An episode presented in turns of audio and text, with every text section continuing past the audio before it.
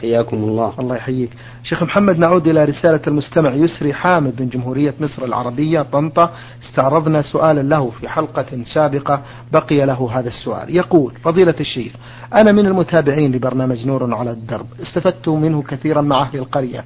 حيث أننا نتابع هذا البرنامج يوميا وأرجو أن تبينوا لنا أقسام التوحيد مفصلة عبر هذا البرنامج لأننا في زمن كثرت فيه الشركيات فنشاهد أناس يذبحون عند الأضرحة ويطوفون بها ويتقربون إليها. أرجو بيان ذلك مأجورين. الحمد لله رب العالمين وأصلي وأسلم على نبينا محمد خاتم النبيين وإمام المتقين. وعلى آله وأصحابه ومن تبعهم بإحسان إلى يوم الدين. أما بعد فإننا نحمد الله عز وجل ونشكره أن يسر الله سبحانه وتعالى هذا المنبر العظيم الذي استفاد منه كثير من المسلمين في مشارق الأرض ومغاربها كما ذكره هذا السائل ونوه به في سؤاله. فنسأل الله تعالى أن يجعله منبر خير وبركة آمين. وعلم نافع آمين. وتوجيه صالح. اللهم آمين. سؤال الأخ عن التوحيد وأقسامه. سؤال مهم لأن التوحيد هو الذي بعثت به الرسل كلهم من أولهم إلى آخرهم. قال الله تبارك وتعالى وما أرسلنا من قبلك من رسول إلا نوحي إليه أنه لا إله إلا أنا فاعبدون. والرسل حكى الله عنهم على وجه التفصيل أنهم كانوا يقولون لأقوامهم اعبدوا الله ما لكم من إله غيره. والنبي عليه الصلاة والسلام جاء بتحقيق هذا التوحيد تحقيقا تاما يمنع العبد من الإشراك بالله الشرك الصغير والكبير. وقد ذكر أهل العلم رحمهم الله أن أقسام التوحيد ثلاثة. وذلك بالتتبع والاستقراء. أولها توحيد الربوبية والثاني توحيد الألوهية والثالث توحيد الأسماء والصفات. وقد اجتمعت الثلاثة في آية واحدة من كتاب الله في قوله تعالى رب السماوات والأرض وما بينهما فاعبده واصطبر لعبادته هل تعلم له سميا؟ فقوله تعالى رب السماوات والأرض وما بينهما هذا توحيد الربوبية. وقوله فاعبده واصطبر لعبادته هذا توحيد الألوهية. وقوله هل تعلم له سميا هذا توحيد الأسماء والصفات. أي لا تعلم له سميا أي مساميا يضاهيه ويماثله عز وجل. أقسام التوحيد ثلاثة. توحيد الربوبية وهي إفراد الله عز وجل بالخلق والملك والتدبير فلا خالق إلا الله ولا مالك إلا الله ولا مدبر إلا الله لا أحد يقوم بهذا على وجه الإطلاق والعموم والشمول إلا الله رب العالمين. فهو المتفرد بالخلق المتفرد بالملك المتفرد بالتدبير. قال الله عز وجل ألا له الخلق والأمر ألا له الخلق والأمر. فالآية هذه فيها حصر الخلق والأمر في الله وحده وذلك بتقديم الخبر على له الخلق. وتقديم الخبر تقديم ما حقه التأخير وهو يفيد الحصر كما قرر ذلك علماء البلاغة. فالخلق كله له والأمر كله له عز وجل. لا يشركه أحد.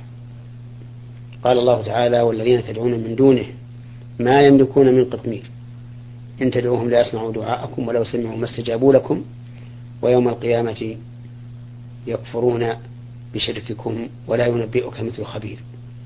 وقال تعالى قل ادعوا الذين زعمتم من دون الله لا يملكون مثقال ذرة في السماوات ولا في الأرض وما لهم فيهما من شرك وما له منهم من ظهير ولا تنفع الشفاعة عنده إلا لمن أذن له. فبين الله عز وجل أن هؤلاء الشفعاء الذين يشرك به الذين اتخذهم عبادهم شفعاء عند الله شركاء مع الله لا يملكون مثقال ذرة في السماوات ولا في الأرض على وجه الاستقلال بها دون الله. وما لهم فيهما من شرك أي لا يملكون شركة مع الله عز وجل. فليسوا مستقلين في شيء. وليسوا شركاء مع الله في شيء. وما له منهم من ظهير يعني ما لله أحد من هؤلاء يساعده ويعينه عز وجل بل هو مستغن عن جميع خلقه. ولا تنفع الشفاعة عنده إلا لمن أذن له. وذلك لكمال سلطانه وعظيم ملكه عز وجل. لا أحد يشفع عنده يتوسط بشيء لأحد من خير أو دفع ضرر إلا بإذنه عز وجل. وفي هذا قطع لجميع ما يتعلق به المشركون الذين يدعون أنهم يعبدون هذه الأصنام يتخذونها شفعاء عند الله. قال لا تنفع الشفاعة عنده إلا لمن أذن له. ومن المعلوم أن الله لن يأذن لهذه الأصنام أن تشفع ولا يأذن لأحد. أن يشفع لعابد هذه الأصنام. قال الله تبارك وتعالى وكم من ملك في السماوات لا تغني شفاعتهم شيئا إلا من بعد أن يأذن الله لمن يشاء ويرضى وقال تعالى ولا يشفعون إلا لمن ارتضى وحينئذ تنقطع كل الآمال التي يتعلق بها هؤلاء المشركون الذين يعبدون مع الله غيره يرجونه نفعا أو دفع ضرر فإن ذلك لا ينفعهم. قال الله تعالى ومن أضل ممن يدعو من دون الله من لا يستجيب له إلى يوم القيامة وهم عن دعائهم غافلون. وإذا حشر الناس كانوا لهم أعداء وكانوا بعبادتهم كافرين. إذا توحيد الربوبية إفراد الله عز وجل بأمور ثلاثة بالخلق والملك والتدبير. فلا خالق إلا الله ولا مالك إلا الله ولا مدبر إلا الله وما يوجد من المخلوق من صنع الأشياء وما يوجد من المخلوق من الملك أو ما يوجد للمخلوق من الملك وما يوجد للمخلوق من التدبير فكله تدبير ناقص وهم أيضا غير مستقلين به بل ذلك من خلق الله عز وجل. أما المنفرد بذلك على وجه الاستقلال فهو الله سبحانه وتعالى. فللمخلوق خلق وإيجاد لكنه ليس كخلق الله. فالله تعالى موجد الأشياء من العدم والمخلوق لا يستطيع أن يوجد الشيء من العدم وإنما يستطيع أن يركب شيء مع شيء. أو يغير صورة شيء إلى شيء كما لو غير النجار الخشبة إلى باب والحداد الصفائح الحديد إلى أبواب وما أشبه ذلك. لكنها لكنه لن يخلق هذه المادة. قال الله تعالى يا أيها الناس ضرب مثل فاستمعوا له. إن الذين تدعون من دون الله لن يخلقوا ذبابا ولو اجتمعوا له وإن يسلبهم الذباب شيئا لا يستنقذوه منه. ضعف الطالب والمطلوب. ما قدر الله حق قدره إن الله لقوي عزيز. كذلك الإنسان له ملك. قال الله تعالى إلا على أزواجهم أو ما ملكت أيمانهم. وقال تعالى أو ما ملكتم مفاتحه ولكن هذا الملك ملك مقيد محدود ليس بشامل. ولا, ولا الإنسان فيه مطلق ولا وليس للإنسان فيه مطلق التصرف بل هو محدود. فما بيدي من الملك ليس ليس لك وما بيدك من الملك ليس لي. ثم إنه ملك محدود لا نستطيع أن نتصرف فيه إلا على حسب ما جاءت به الشريعة. وكذلك للإنسان تدبير يدبر مملوكه يدبر زوجته يدبر أهله لكنه تدبير ناقص. ليس بشامل ولا, ولا للإنسان فيه مطلق الحرية. وبهذا عرفنا أن المنفرد بالخلق والمنفرد بالملك والمنفرد بالتدبير هو الله عز وجل وحده. هذا قسم من أقسام التوحيد. طيب. وهذا التوحيد لم ينكره المشركون الذين بعث فيهم رسول الله صلى الله عليه وآله وسلم. اللهم صل بل كانوا يقرون به غاية الإقرار. ولئن سألتهم من خلقهم ليقولن الله. ولئن سألتهم من خلق السماوات والأرض والأرض لا يقولون الله. وهكذا الآيات الكثيرة كلها تدل على أن المشركين الذين قاتلهم النبي صلى الله عليه وآله وسلم واستباح دماءهم وأموالهم ونساءهم وذريتهم كانوا يقرون بهذا التوحيد لكن ذلك لم ينفعهم. لأنهم مشركون في توحيد الألوهية توحيد العبادة الذي هو حق الله الخاص. وهو القسم الثاني توحيد الألوهية المستفاد من قوله تعالى وما أرسلنا من قبلك من رسول إلا نوحي إليه أنه لا إله إلا أنا فاعبدون. والألوهية مبنية على شيئين بل العبادة مبنية على شيئين المحبة والتعظيم. فبالمحبة يكون الرجاء وفعل الأوامر.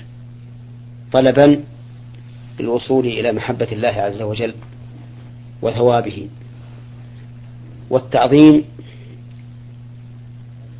وهو الأساس الثاني للعبادة وبه يترك الإنسان المناهي التي نهى الله عنه عنها لأنه بتعظيمه لله يترك مناهيه ويخاف من عقابه. ثم إن العبادة لها شرطان. الشرط الأول الإخلاص لله والثاني المتابعة لرسول الله صلى الله عليه وآله وسلم. فللعبادة إذن ركنان ولها شرطان. أما ركنها فالمحبة والتعظيم وهما الأساس. وأما شرطاها فهما الإخلاص والمتابعة لله لرسول الله صلى الله عليه وآله وسلم. الإخلاص لله والمتابعة لرسول الله صلى الله عليه وآله وسلم ودليل ذلك قوله تعالى وما أمروا إلا ليعبدوا الله مخلصين له الدين حنفاء. وقوله تعالى في الحديث القدسي أنا أغنى الشركاء عن الشرك من عمل عملا أشرك فيه معي غيري تركته وشركه ودليل المتابعة قوله تبارك قوله تبارك وتعالى قل إن كنتم تحبون الله فاتبعوني يحببكم الله ويغفر لكم ذنوبكم والله غفور رحيم. وقال النبي صلى الله عليه وآله وسلم من عمل عملا ليس عليه أمرنا فهو رد. وقال من أحدث في أمرنا ما ليس من أحدث في أمرنا هذا ما ليس منه فهو رد. أي مردود على صاحبه لأنه لم تتحقق فيه المتابعة. وإذا نظرنا إلى حال كثير من المسلمين اليوم وجدنا أنهم ليسوا على على توحيد خالص في باب الألوهية والعبودية. فمنهم من يعبد القبور ومنهم من يعبد الأولياء ومنهم من يطوف بالقبور رجاء لنفعها ودفعها للضرر ومنهم من يؤله الحكام ويجعلهم في منزلة الألوهية يطيعهم فيما حرم الله فيستحله وفيما أحل الله فيحرمه. وهذا هو اتخاذهم أربابا.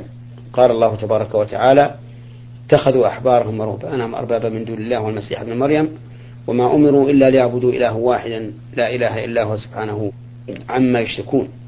ويروى عن علي بن حاتم رضي الله عنه أنه قال للنبي صلى الله عليه وآله وسلم يا رسول الله إنا لسنا نعبدهم.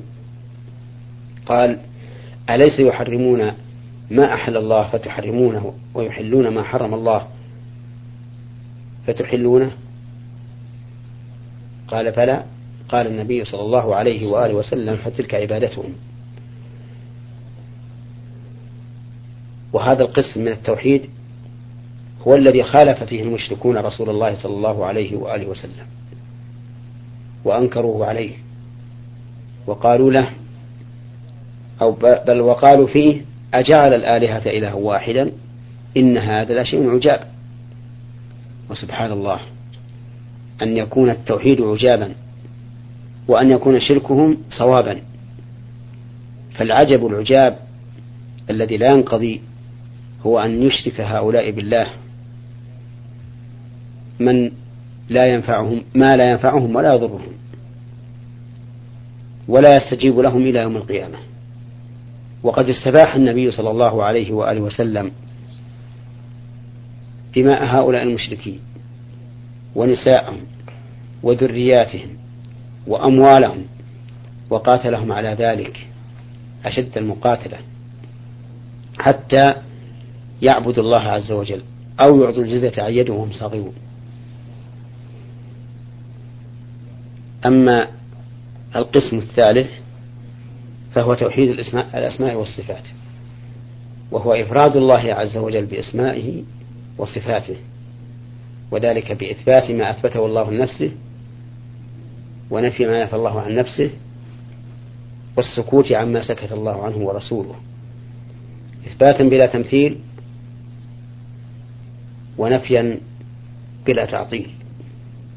وهذا هو الذي انقسمت فيه الأمة الإسلامية إلى أقسام متعددة فمنهم السلف وهم فقط أهل السنة والجماعة الذين أثبتوا لله ما أثبته الله لنفسه من الأسماء والصفات في كتابه أو على لسان رسوله صلى الله عليه وآله وسلم إثباتا بلا تمثيل ونفوا ما نفى الله عن نفسه نفيا بلا تعطيل وسكتوا عما سكت الله عنه ورسوله. فمن ذلك أنهم أثبتوا لله كل ما وصف به نفسه كل صفة أثبتها لنفسه من الحياة والعلم والقدرة والسمع والبصر والإرادة والكلام والعزة والحكمة والرحمة والعجب والضحك وأثبتوا لله الوجه واليدين والعينين وأثبتوا لله القدم والساق وكذلك كل كلما وصف الله به نفسه أثبتوه لله عز وجل. لكن بلا تمثيل.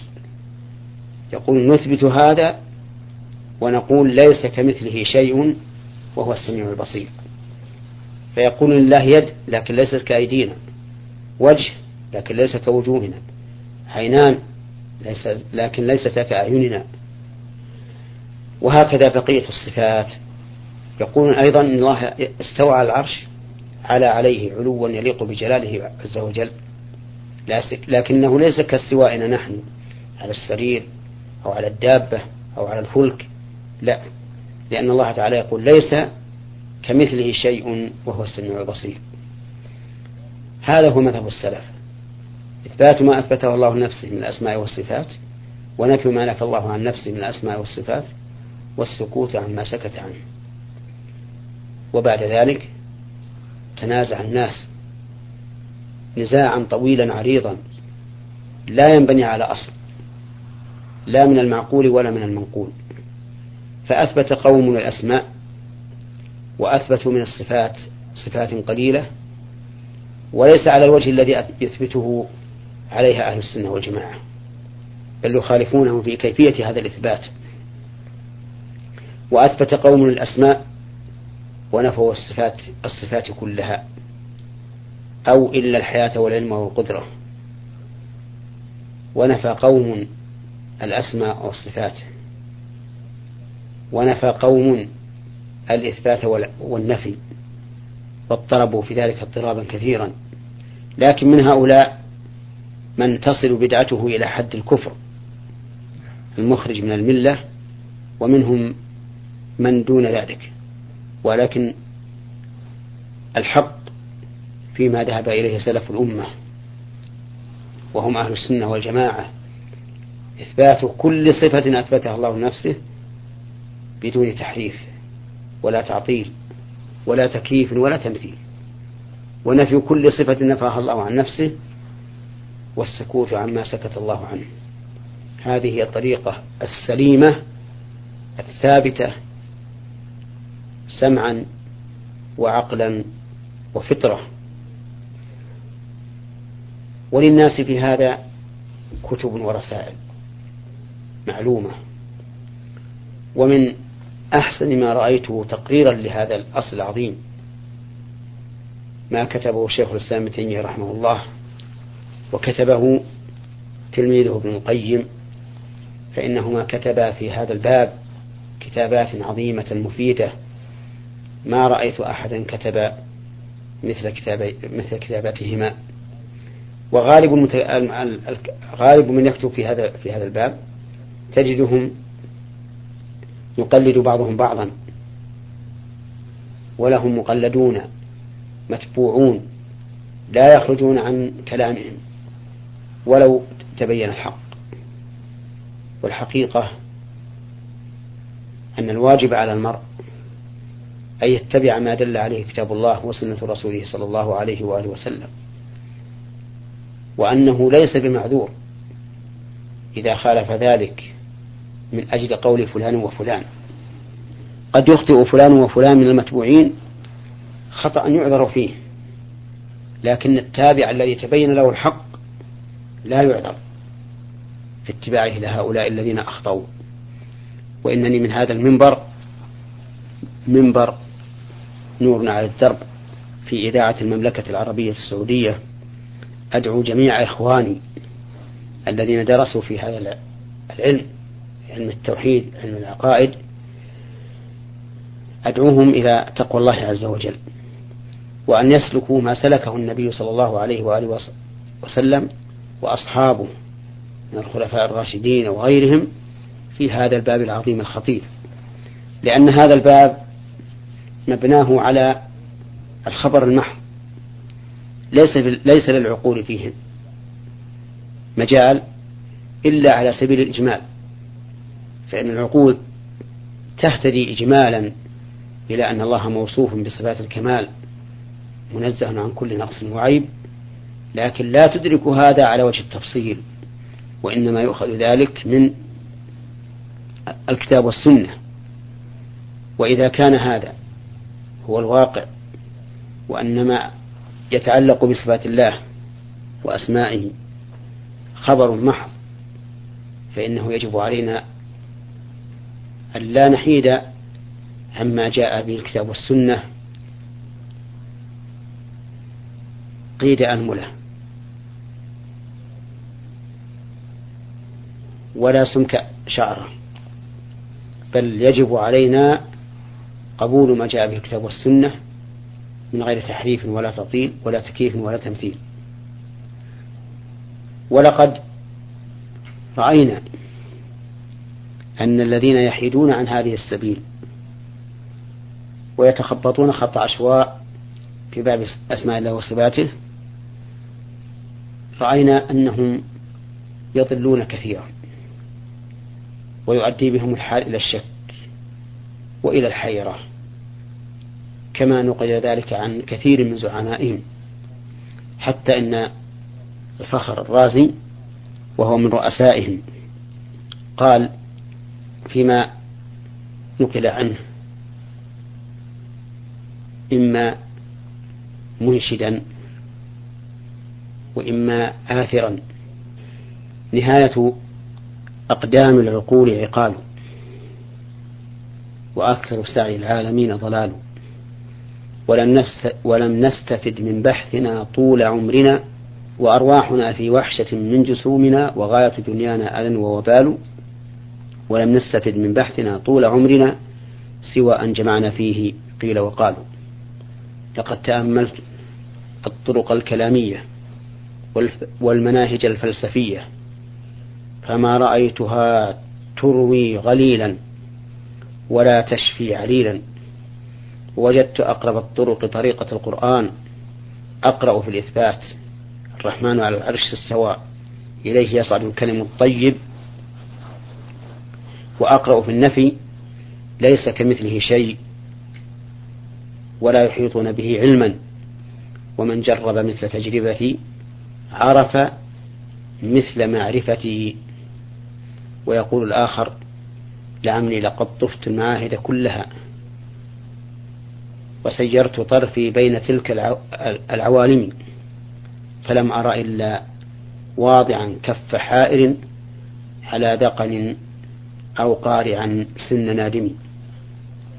وهذا يدل على أن هؤلاء المتكلمين الذين ذهبوا يحكمون على الله تعالى بعقولهم فيما يصفونه به كانوا في حيرة شديدة.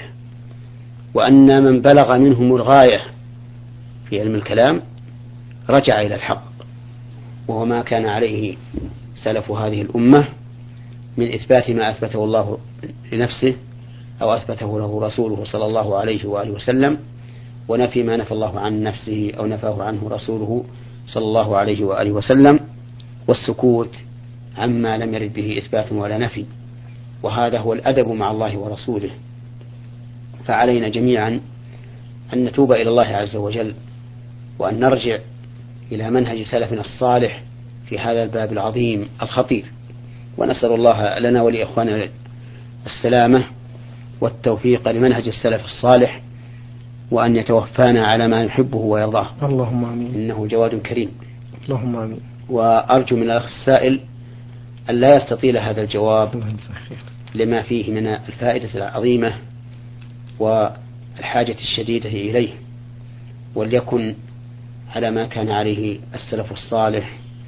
ثبت الله الجميع على ذلك. اللهم إنه جواد كريم. والحمد لله رب العالمين. وصلى الله وسلم على نبينا محمد وعلى آله وصحبه أجمعين. اللهم صل وسلم وزد وبارك على نبينا وحبيبنا محمد. شكرا لكم يا فضيلة الشيخ محمد على تفضلكم